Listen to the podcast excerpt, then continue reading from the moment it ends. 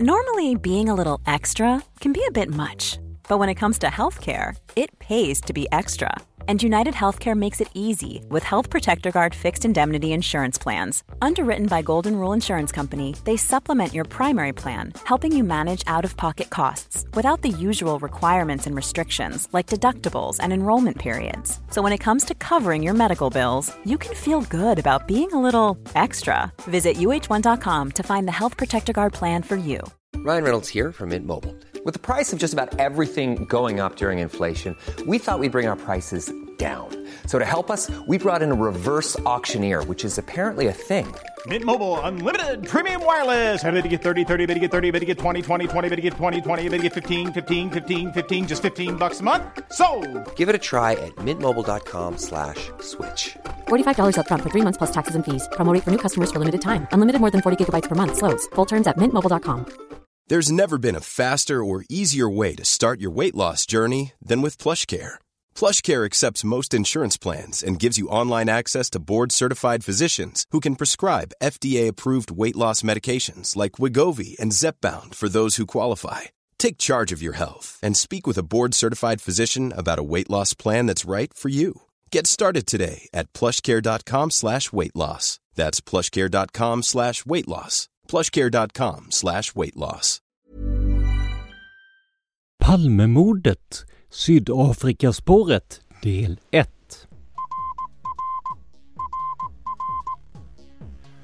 Sveriges statsminister Olof Palme är död. 90 000. Ja, det är mord på Sveavägen. Hörde de säger att det är Palme som är skjuten. Mordvapnet med säkerhet är en Smith Wesson, en revolver kaliber .357. Inte ett svar. Det finns inte ett svar. För jag har inget. Och jag har inte varit Varför skulle jag göra det? Polisen söker en man i 35 till 40-årsåldern med mörkt hår och lång mörk rock. Välkomna till podden Palmemordet som idag görs av mig, Tobias Henriksson på PRS Media. Idag ska vi äntligen börja med Sydafrikaspåret. Men innan dess vill jag bara påminna er att eh, om ni gillar det vi gör och vill uppmuntra oss lite extra så går det bra att donera till podden via patreon.com palmemodet. Det är alltså patreon.com palmemodet. Där väljer ni en summa som podden får per publicerat avsnitt. Om ni hellre vill donera via Swish så hittar ni numret i avsnittsbeskrivningen.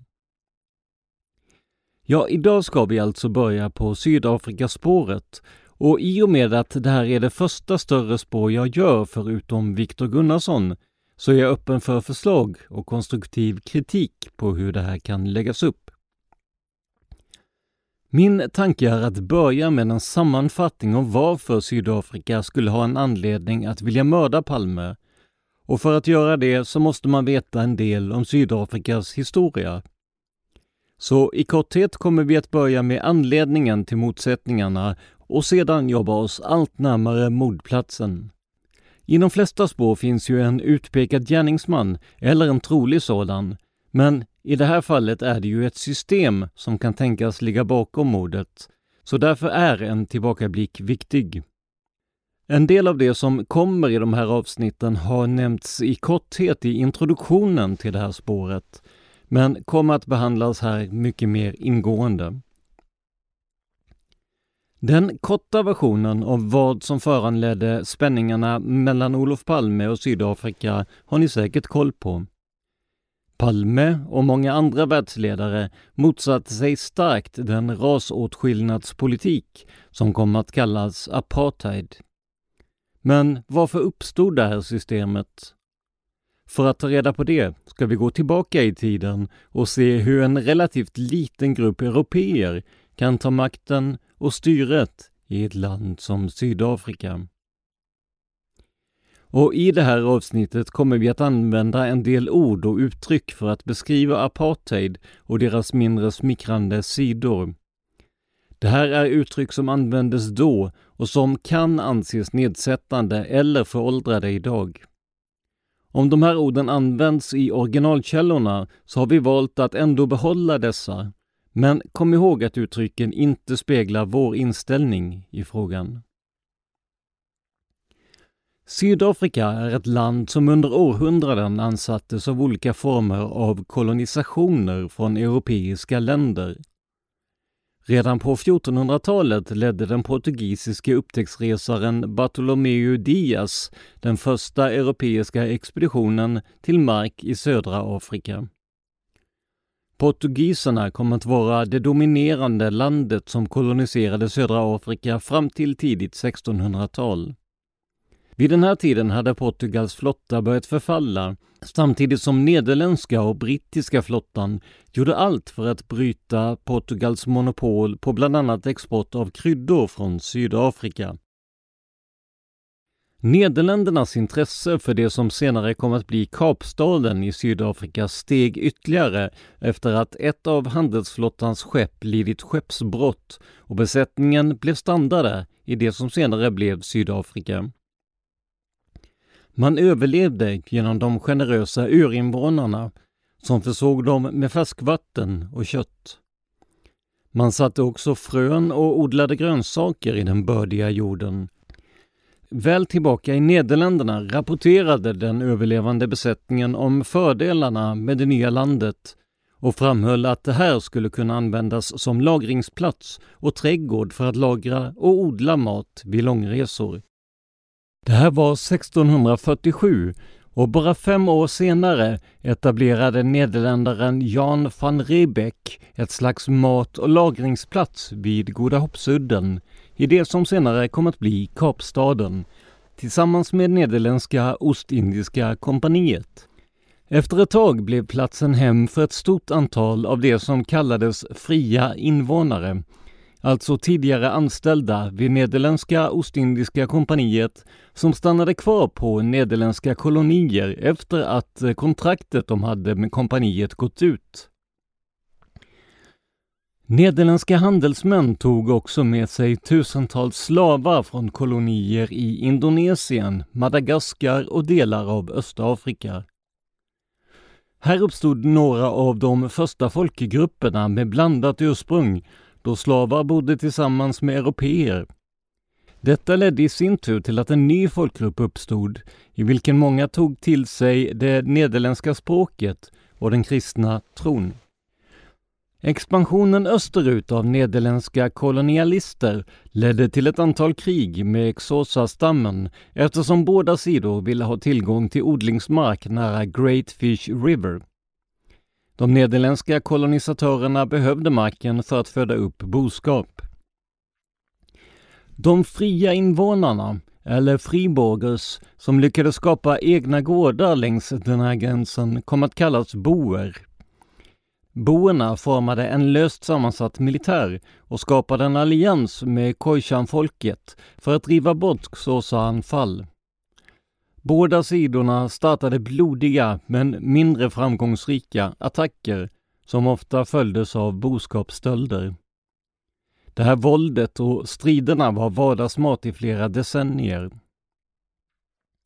Under senare delen av 1700-talet och under 1800-talet tog det brittiska imperiet makten och kontrollen över Sydafrika och många med nederländskt ursprung utvandrade från platsen och skapade egna regioner. Boerna i sin tur skapade boerrepublikerna bestående av Sydafrikanska republiken, Natalia-republiken och Orange Free State. 1800-talet var en tid av oro med ett flertal krig och strider som till sist utmynnade i boerkrigen det första, som pågick mellan 1880 och 1881, vanns av boerna som trots att de var numerärt underlägsna britterna lyckades hålla dem stången med gerillakrigföring som passade bra för områdena de befann sig i. I det andra boerkriget 1899 till 1902 hade britterna samlat större styrkor och också lagt om sin taktik. Trots detta led de stora förluster, men lyckades till sist vinna. Efter kriget dog ungefär 27 000 kvinnor och barn i brittiska koncentrationsläger. Och sådana här läger blev ju såklart mest kända genom andra världskriget och de fasor som bevittnades på ställen som Auschwitz och Dachau. Men faktum är att de fanns långt innan dess och att deras ursprung kan kopplas till såväl Kuba som just Storbritannien. Boerna hade alltså förlorat kriget och de sökte sig nu till städerna från det sönderbombade Transvaal. Där kom de att tillhöra den fattigaste klassen av vita människor. Och det här kan ju tyckas vara en rejäl avstickare från ämnet Palmemordet, men det är nödvändigt för att förstå upphovet till apartheid, det som senare kom att bli en stridsfråga för Olof Palme. För om man ser på den sydafrikanska regionens historia så präglas den av kolonialism, slavar och olika folkslag som klassades olika högt eller lågt beroende på sitt ursprung. Med andra ord en grogrund för den rasåtskillnadspolitik som kom att bli legio senare och som mötte stora delar av världens fördömande.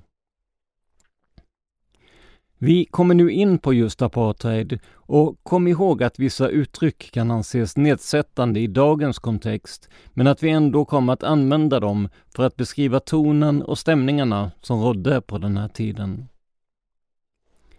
För som ni såg fanns det alltså stora motsättningar mellan olika folkslag, stammar och för den delen länder i regionen kring Sydafrika. Och trots att de som kallades för vita män hade mycket av makten var de i en minoritet i landet. De senaste siffrorna som jag har tillgång till visar att cirka 80 procent av Sydafrikas befolkning är svarta. Och så vitt jag förstått var det ungefär samma situation då, eller kanske till och med procentuellt betydligt fler svarta personer än vita. Det är inte svårt att tänka sig att de vita slavägarna kände en rädsla för vad som skulle ske om slaveriet avskaffades, eller Gud förbjude om slavarna och den svarta befolkningen gjorde uppror. Med fyra svarta män på varje vit man hade styrkeförhållandena varit katastrofala för den bestämmande vita makten om något sånt hände. Kom ihåg att det här var på en tid då slavarna behövde pass utfärdat av sin ägare för att få resa i landet och där svarta slavar nedsättande kallades för hottentotter. Det alla vita män fruktade skedde 1806. Det brittiska imperiet, som då hade makten över Sydafrika, avskaffade slaveriet det här var ett hårt slag för Sydafrikas vita, så inom kort hade man omvandlat begreppet slavar till oavlönade kontraktsarbetare, vilket i stort sett innebar samma sak, fast utan att strida mot det brittiska imperiets lagar om ett slut för slaveriet. Olika sydafrikanska kolonier fortsatte under 1800-talet att skapa lagar som minskade friheten för det som kallades outbildade arbetare, vilket såklart slog hårdast mot de personer som enligt lag inte längre var slavar, men som i praktiken fortfarande var det. Bland annat ville man på det här sättet minska umgänget mellan det man kallade olika raser eller folkslag. 1892 infördes en lag som höjde taket för hur mycket mark man behövde äga för att få rösta och man lade också till ett utbildningskrav. Detta gjorde att ett oproportionerligt stort antal svarta och fattiga inte fick rösta och därmed inte fick en chans att stå upp mot de vita makthavarnas idéer. 1894 berövades personer av indisk härkomst sin rätt att rösta i landet.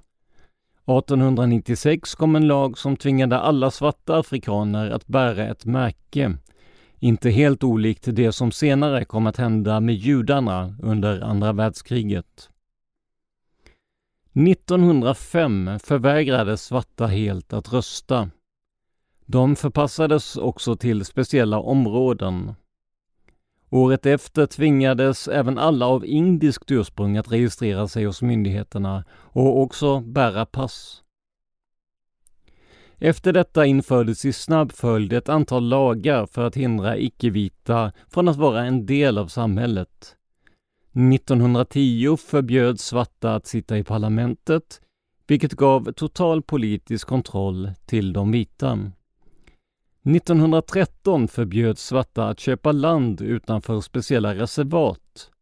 En lag 1918 skapades för att samla de svarta i speciella områden. Urban Areas Act från 1923 skapade boendesegregation och tillhandahöll också billig arbetskraft, men bara för företag som ägdes av vita. 1926 förbjöds svarta gruvarbetare att vidareutbilda sig. Så nu har alltså värderasismen verkligen fått fart i landet. Wow! Nice! Yeah! What you're hearing are the sounds of people everywhere putting on Bombas socks, underwear, and t-shirts made from absurdly soft materials that feel like plush clouds. Yeah, that plush. And the best part? For every item you purchase, Bombas donates another to someone facing homelessness. Bombas. Big comfort for everyone. Go to bombas.com slash ACAST and use code ACAST for 20% off your first purchase. That's bombas.com slash ACAST. Code ACAST. If you're looking for plump lips that last, you need to know about Juvederm lip fillers. With Juvederm Volbella XC and Juvederm Ultra XC, your lip look, whether it's subtle or bold, can last up to one full year with optimal treatment and no additional maintenance. Find a licensed specialist and see if it's right for you at juvederm.com today. That's J U V E D E R M.com. Add fullness to lips in adults over 21 with Juvederm Volbella XC or Juvederm Ultra XC. Do not use if you have severe allergies or a history of severe allergic reactions, or if you're allergic to lidocaine or the proteins used in Juvederm. Tell your doctor if you have a history of scarring or taking medicines that decrease the body's immune response or that can prolong bleeding. Common side effects include injection site redness, swelling, pain, tenderness, firmness, lumps, bumps, bruising, discoloration, or itching. As with all fillers, there's a rare risk of unintentional injection into a blood vessel, which can cause vision abnormalities, blindness, stroke, temporary scabs, or scarring. For full important safety information, visit juvederm.com. Flexibility is great. That's why there's yoga. Flexibility for your insurance coverage is great too. That's why there's United Healthcare Insurance Plans. Underwritten by Golden Rule Insurance Company, United Healthcare Insurance Plans offer flexible, budget friendly coverage for medical, vision, dental, and more. One of these plans may be right for you if you're, say, between jobs, coming off your parents' plan, turning a side hustle into a full hustle, or even missed open enrollment. Want more flexibility? Find out more about United Healthcare Insurance Plans at uh1.com. Men motståndet lät inte vänta på sig.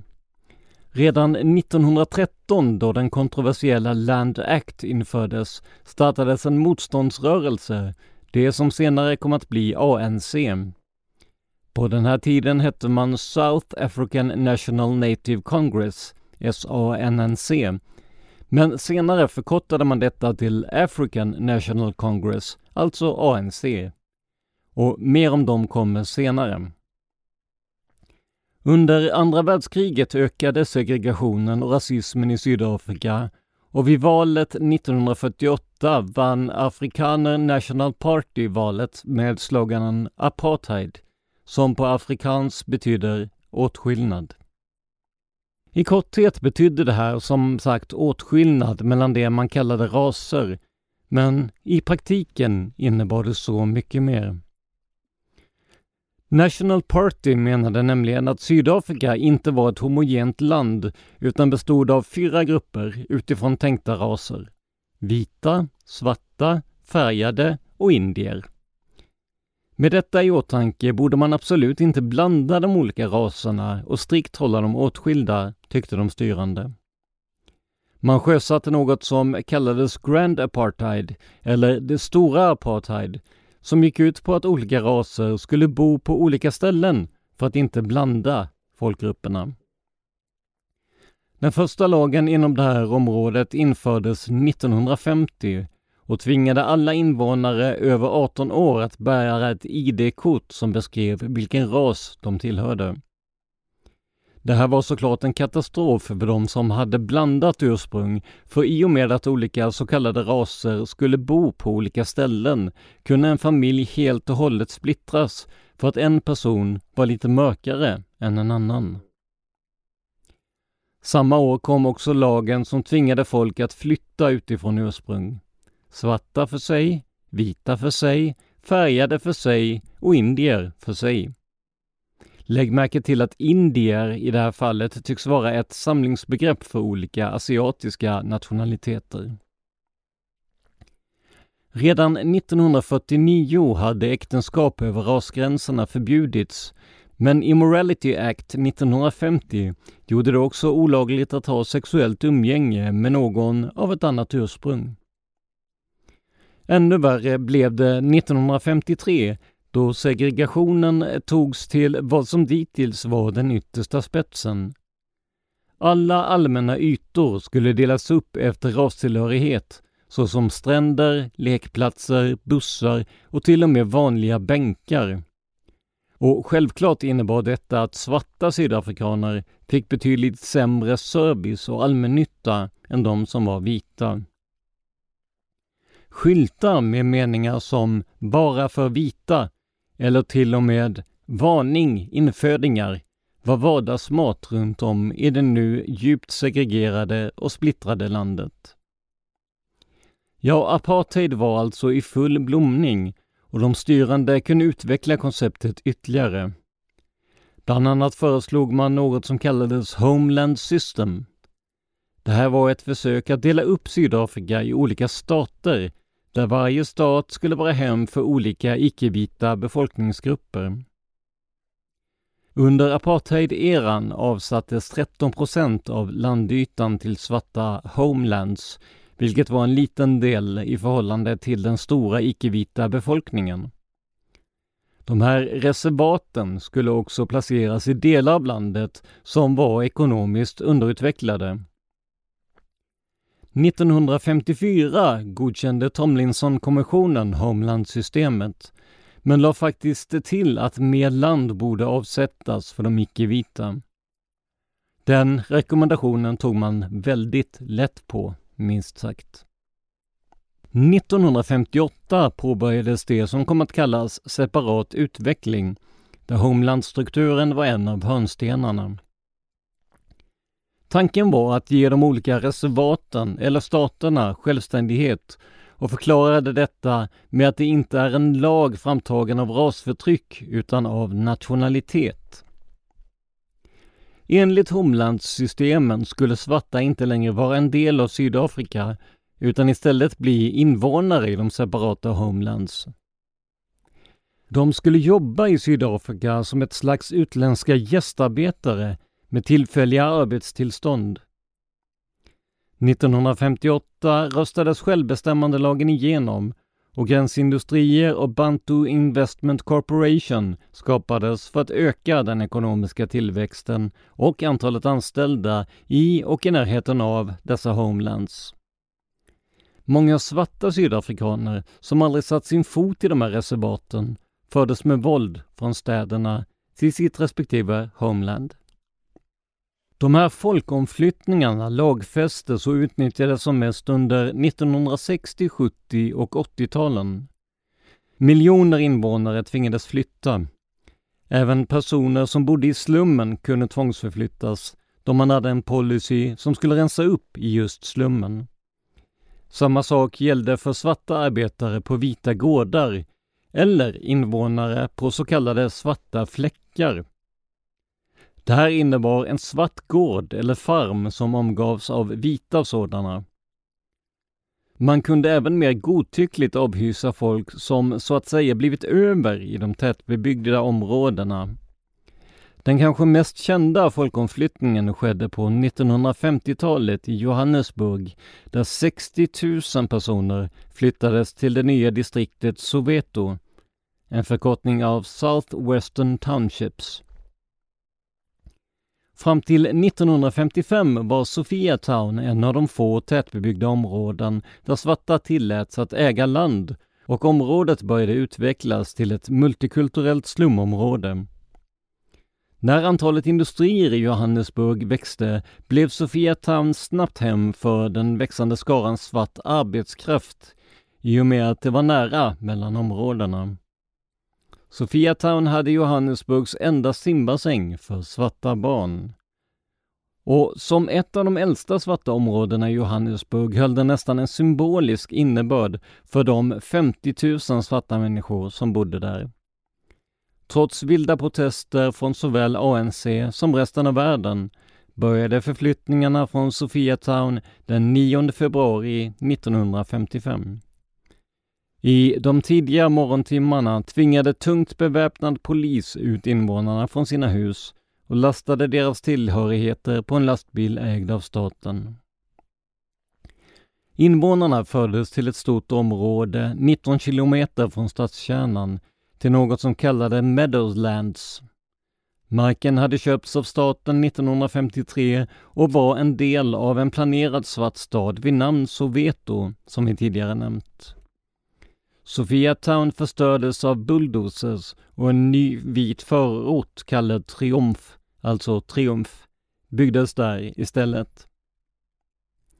Det här mönstret med eh, tvångsförflyttningar och förstörelse var vanligt de nästkommande åren och det gällde inte bara svarta sydafrikaner. 1950 utfördes till exempel tvångsförflyttningar från områden som Kato Manor, Mokobane i Durban och distrikt 6 i Kapstaden där 55 000 färgade och indiska invånare tvingades flytta till nya områden på Cape Flats. Nästan 600 000 färgade indiska och kinesiska personer flyttades som en del av det som kallades Group Area Act. Faktum är att också ungefär 40 000 vita tvingades flytta när land skulle ombildas från en del av det vita Sydafrika till svarta homelands. Men hur var då livet i sådana här homelands? Ja, jämfört med dagens Sydafrika, eller för den delen Sverige, tycks det inte ha varit allt för muntert. Varje svart homeland skulle själva stå för utbildning, sjukvård och polis. Redan här ser vi såklart ett problem i och med att svarta genom rasdiskrimineringen inte kunnat studera lika mycket som vita eller skaffat sig erfarenhet inom de här områdena. Svarta fick inte heller köpa starksprit. Däremot kunde de få köpa en statligt tillverkad ölsort av dålig kvalitet. Som vi sagt tidigare var i stort sett allt segregerat. Det rör bland annat stränder, simbassänger, gångbroar, kyrkogårdar, parker och offentliga toaletter. Biografer och teatrar i vita områden fick inte släppa in svarta. Det fanns inte heller några biografer ens i svarta områden. De flesta restauranger och hotell i vita områden fick inte släppa in svarta, förutom såklart de som jobbade där. Efter en lag 1957 förbjöds svarta att besöka vita kyrkor. Men det här efterlevdes inte helt och kyrkorna var ett av de få ställen där personer av olika ursprung kunde träffas utan att gripas av polis. Svarta som tjänade 360 rand om året eller mer och det är idag ungefär 23 500 svenska kronor justerat för inflation, var tvungna att betala skatt medan tröskeln var mer än dubbelt så hög för vita med 750 rand per år. Det här motsvarar ungefär 49 000 svenska kronor 2022 efter justering för inflation. Svarta kunde inte heller äga land i vita områden som vi pratat om innan. Och marken i deras homelands ägdes ofta av en stam eller grupp där en lokal hövding eller chef bestämde hur marken skulle brukas och fördelas. De flesta svarta berövades sitt sydafrikanska medborgarskap och kunde därmed inte fly. Det här förklarades såklart med att deras homelands blev självständiga, vilket vi ju ser är en överdrift värdig valfri politiker i världen. Men som ni sett delade man ju upp folk i olika grupper efter ursprung och den här uppdelningen bör ju förorsakat vissa problem. Hur färgad ska man till exempel vara innan man räknas som svart, för att använda deras terminologi? Låt oss börja med att se hur man skulle vara för att klassas som vit, så kan vi sedan jämföra det med personer som klassificerades som svarta eller färgade. En vit person var man om båda ens föräldrar var vita och besatt citat vanorna, talet, utbildningen, hållningen och sättet slutcitat som definierar en vit person. Och här finns det ju anledning att stanna upp och fundera lite. De här kraven är alltså direkt översatta från källorna och dessutom dubbelkollade. Men skulle vem som helst passa in på den här beskrivningen? Jag är till exempel vit i bemärkelsen att båda mina föräldrar är det. Men vad innebär svenska vanor? Att inte prata med folk i hissen? Att dansa små grodorna kring midsommarstången? Och någon vidare hållning har jag aldrig haft trots mina år som militärmusiker. Talet har jag, men på en dialekt som kanske kan jämföras med de färgades dialekt i Sydafrika kontra de vitas sätt att prata. Så det här är en komplicerad fråga. Vem är vit? Apartheidbyråkratin satte upp komplexa och ofta godtyckliga kriterier för att avgöra vem som var färgad. En lägre myndighetsperson utförde tester för att avgöra om någon skulle klassas som färgad eller vit, medan en annan avgjorde om personen var svart eller färgad. Och håll i er nu, för det här kommer bli ganska bisarrt exempel på hur man avgjorde detta. Det var nämligen genom något som kallades penntestet. Man satte helt enkelt in en penna i en persons lockiga hår och bad dem skaka på huvudet. Om pennan satt kvar var man avgjort svart. Om den ramlade ur var man färgad. Andra typer av tester var bland annat att man granskade deras käklinjer och skinkor, inte helt olikt den nazistiska indelningen i Tyskland på 30 och 40-talen. Man nöp också testobjekten för att se vilket språk de sa aj på. Som ett resultat av de här testerna kunde alltså olika medlemmar av samma familj hamna i helt olika ursprungsgrupper. Ytterligare tester skulle sedan utvisa vilken undergrupp som personen hörde till. Vi har ju pratat lite om skolan, men kan bara snabbt nämna att skolorna under apartheidtiden såklart var segregerade. Där svarta elever förbereddes i en typ av yrkesskolor för att kunna utföra manuella jobb, till exempel på gårdar och åkrar. Ojämlikheten var stor och på 1970-talet la staten till exempel tio gånger så mycket pengar på ett vitt barn i utbildningssystemet som de gjorde på ett svart barn. Från 1959 blev utbildningen för icke-vita lite bättre då separata universitet för de grupperna öppnades. Självklart fick vita universitet inte ta in svarta eller färgade elever. Att vara svart kvinna i apartheidens Sydafrika var förstås ännu svårare, om det nu är möjligt. För då var det inte bara rasdiskrimineringen som påverkade ens möjligheter, utan också könsdiskrimineringen. En del forskare har sträckt sig så långt som att säga att svarta kvinnor i Sydafrika berövades på sina mänskliga rättigheter på grund av det här dubbla förtrycket. De hade ofta väldigt svårt att hitta jobb och de jobb som erbjöds var ofta inom lantbruk eller arbete i hemmen. Lönerna var usla om de ens fanns. Barnen utvecklade undernäring på grund av bristen på ordentlig mat och barnadödligheten var därför väldigt hög. Även nöjes och sportvärlden påverkades såklart av apartheid. Som ett exempel kan nämnas att man delade upp proffsboxningen i två kategorier i landet. Bara för vita och bara för icke-vita. Problemet var att icke-vita generellt var mer framgångsrika på boxning och hade också det driv och den morot som behövdes för att komma upp sig i nivå.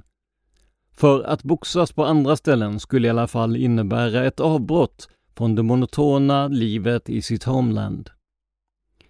Det här gjorde att det bara registrerades 44 matcher mellan vita deltagare i kamp om den nationella titeln, medan det utspelades hela 397 matcher mellan dem som här samlades under begreppet icke-vita.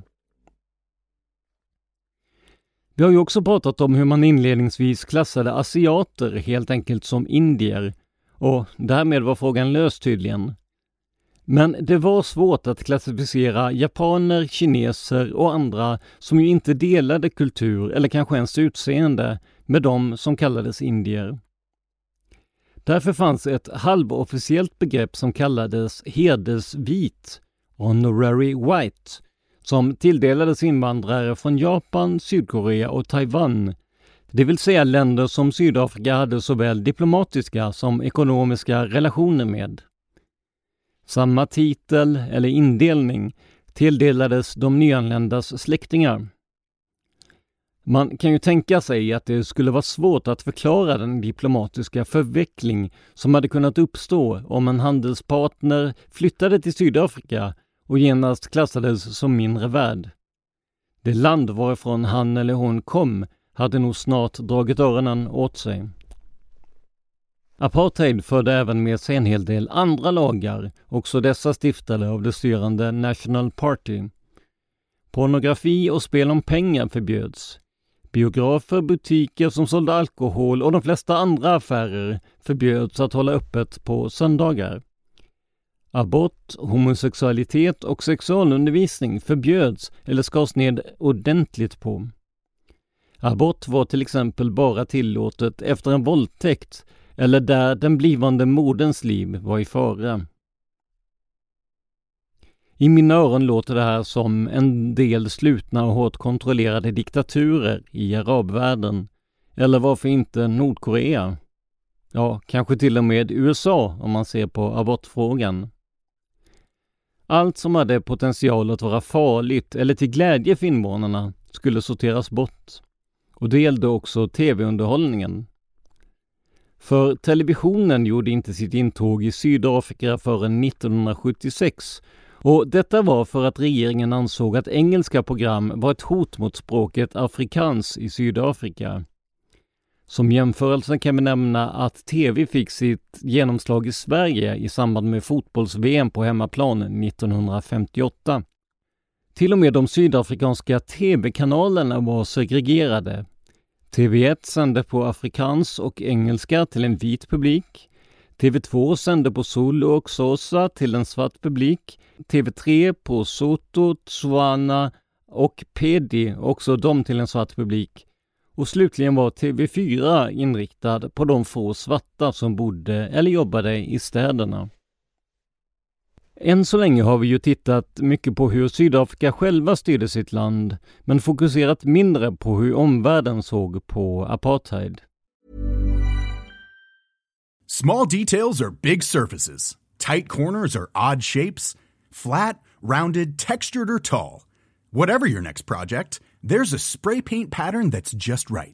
Because rust new Custom Spray 5 in 1 gives you control with five different spray patterns so you can tackle nooks, crannies, edges, and curves without worrying about drips, runs, uneven coverage, or anything else.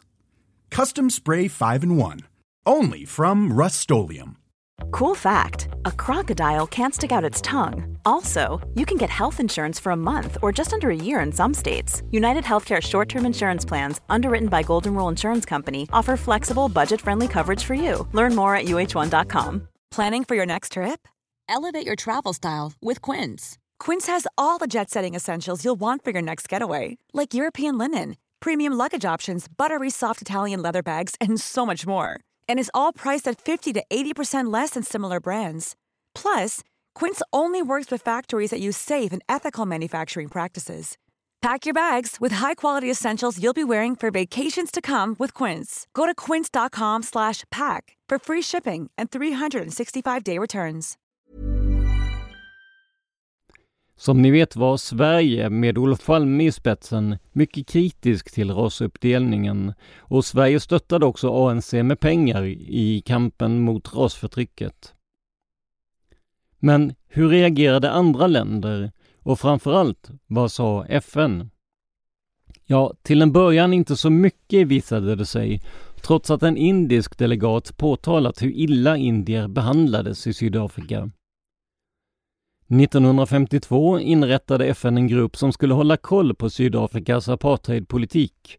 Men flera av länderna i FN menade att det här inte var en fråga för andra länder än Sydafrika själva. Efter massakern i Sharpeville som vi pratat om i tidigare avsnitt och som vi också återkommer till senare i den här serien vaknade FN till på riktigt och utfärdade en resolution som krävde ett stopp för rasåtskillnaden i Sydafrika. Under åren som kom gick man ett steg längre och manade alla medlemsländer att inte exportera ammunition eller militärfordon till landet. Först 1977 blev dock det här vapenembargot lag för samtliga FNs länder.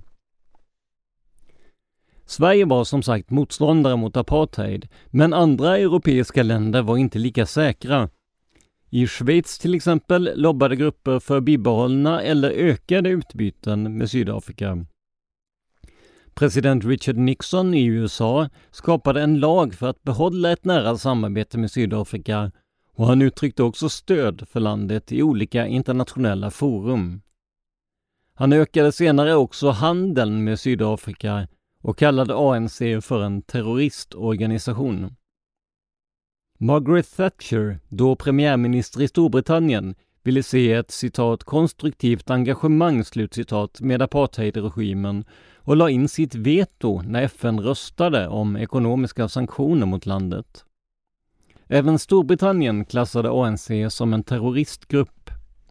Bernard Ingham, som var talesperson för Margaret Thatcher, yttrade det berömda citatet citat den som tror att ANC någonsin kommer att bilda en regering i Sydafrika lever i en fantasivärld.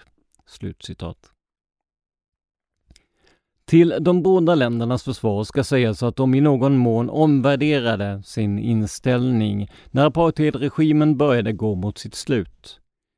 USA införde faktiskt ekonomiska sanktioner i slutet av 1980-talet och även Margaret Thatcher mjuknade något, men ville samtidigt se ett stopp för ANCs väpnade kamp. Även andra stora organisationer sa ifrån mot apartheid och Sydafrika uteslöts under åren från många sport och kulturevenemang. Landet fick till exempel inte delta i sommar-OS 1964 efter att inrikesminister Jan de Klerk uteslutit att skicka ett blandat lag, det vill säga där deltagarna hade olika ursprung. Inför OS fyra år senare kunde internationella olympiska kommittén tänka sig att ha med Sydafrika mot löften om att de skickade en trupp som bestod även av icke-vita. Man drog dock tillbaka det här erbjudandet när det kom fram att ett flertal afrikanska länder i så fall skulle hoppa av tävlingarna. Men självklart fanns det motstånd mot apartheid, både inom landet och utanför detta. Och det är något av det som vi ska gå in lite mer på i nästa avsnitt. Sist idag vill jag prata lite om varför hela den här bakgrunden är viktig. Ni kanske känner att ni har fått en historielektion om Sydafrikas inrikespolitik istället för ett avsnitt om mordet på Olof Palme. Men faktum är att utan den här bakgrunden faller hela Sydafrikaspåret. För om man inte vet vilka stämningar som fanns i landet och om man inte vet vad Palme högljutt protesterade mot så går det inte att få en ordentlig motivbild till det här spåret. Sydafrika drevs av en institutionell rasism under årtionden, kanske århundraden. Och som ni hört såg delar av världen mest på, eller i värsta fall drog nytta av det. I den kontexten får man en liten inblick i det stora etablissemang som Olof Palme reste sig emot. Vi pratar om ett land där det än idag sker 52 mord per dag och där det finns en historisk misstänksamhet och kanske till och med hat fortfarande mellan folkgrupper. Vi pratar om en regering som inte ville förlora ansiktet inför världen och som, som vi kommer att se, kan göra i stort sett vad som helst för att tysta sina kritiker. Vi pratar inte bara om 50 års apartheid här. Vi pratar om ett långvarigt hat och en långvarig misstänksamhet mot det som inte anses vara vitt. och självklart också mot det som inte anses ligga i Sydafrikas intressen. Just därför är det så viktigt att ge er hela historien, så väl som den låter sig göras i en podd. För i det här jag berättat idag finns det som skulle kunna vara en motivbild för de som ser Sydafrikaspåret som det mest troliga. Personer som inte för allt i världen vill att det de ser som ett perfekt system ska raseras av antingen landets egna icke-vita eller av personer i länder långt bort i Europa. Till sist måste jag lägga in en personlig reflektion, vilket jag försöker att inte göra i den här podden, men den här gången måste det bara fram. För jag har gjort runt 200 avsnitt åt podden genom åren. Jag har pratat med misstänkta mördare, jag har suttit med en rysk-jugoslavisk legosoldat och jag har gått igenom såväl obduktionsprotokoll som blodfläcksanalyser. Men inget av det har fått mig att må lika genuint illa som att researcha apartheid i Sydafrika. För här utsätter man mängder av människor för lidanden baserat på ursprung istället för att ta vara på vad de kan bidra med i samhället. Familjer splittras, barn dör, mängder av människor mister livet i attentat. Och allt detta för att de klassades som mindre värda enligt Sydafrikas styrande. Jag vill avsluta med att citera huvudpersonen för den här podden, det vill säga Olof Palme själv, och vad han sa om apartheid och Sydafrika bara dagar innan han mördades. Citat. I grunden är detta en djupt emotionell fråga som djupt rör våra känslor. Därför att det är ett sådant sällsynt vedervärdigt system. Allt på grund av att det för människors hudfärgs skull lämnar dem till en fattig tillvaro. Det är en skam för världen så länge detta system består. Slutcitat.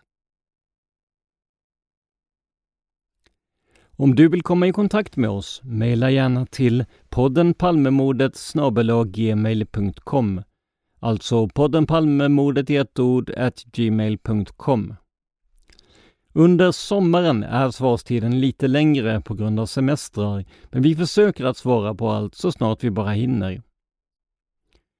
Glöm inte heller att du kan sponsra oss om du gillar vår podd och vill uppmuntra oss lite extra. Alla sätt att göra detta på finns i avsnittsbeskrivningen. Det här var veckans avsnitt av podden Palmemordet som idag gjordes av mig, Tobias Henriksson på PRS Media. För mer information om mig och mina projekt besök facebook.com prsmedia.se eller gilla oss på Instagram där vi heter PRS Media, ett ord, små bokstäver. Tack till alla som är med och stöttar oss och ser till att vi kan fortsätta komma ut. Men framför allt, stort tack för att du lyssnar på podden Palmemordet. Man hittar Palmes mördare om man följer PKK-spåret till botten. Därför att ända sedan Julius Caesars tid har jag aldrig hört talas om ett mord på en framstående politiker som inte haft politiska skäl. Polisens och åklagarens teori var att han ensam hade skjutit Olof Palme. Och det ledde också till rättegång. Men han frikändes i hovrätten.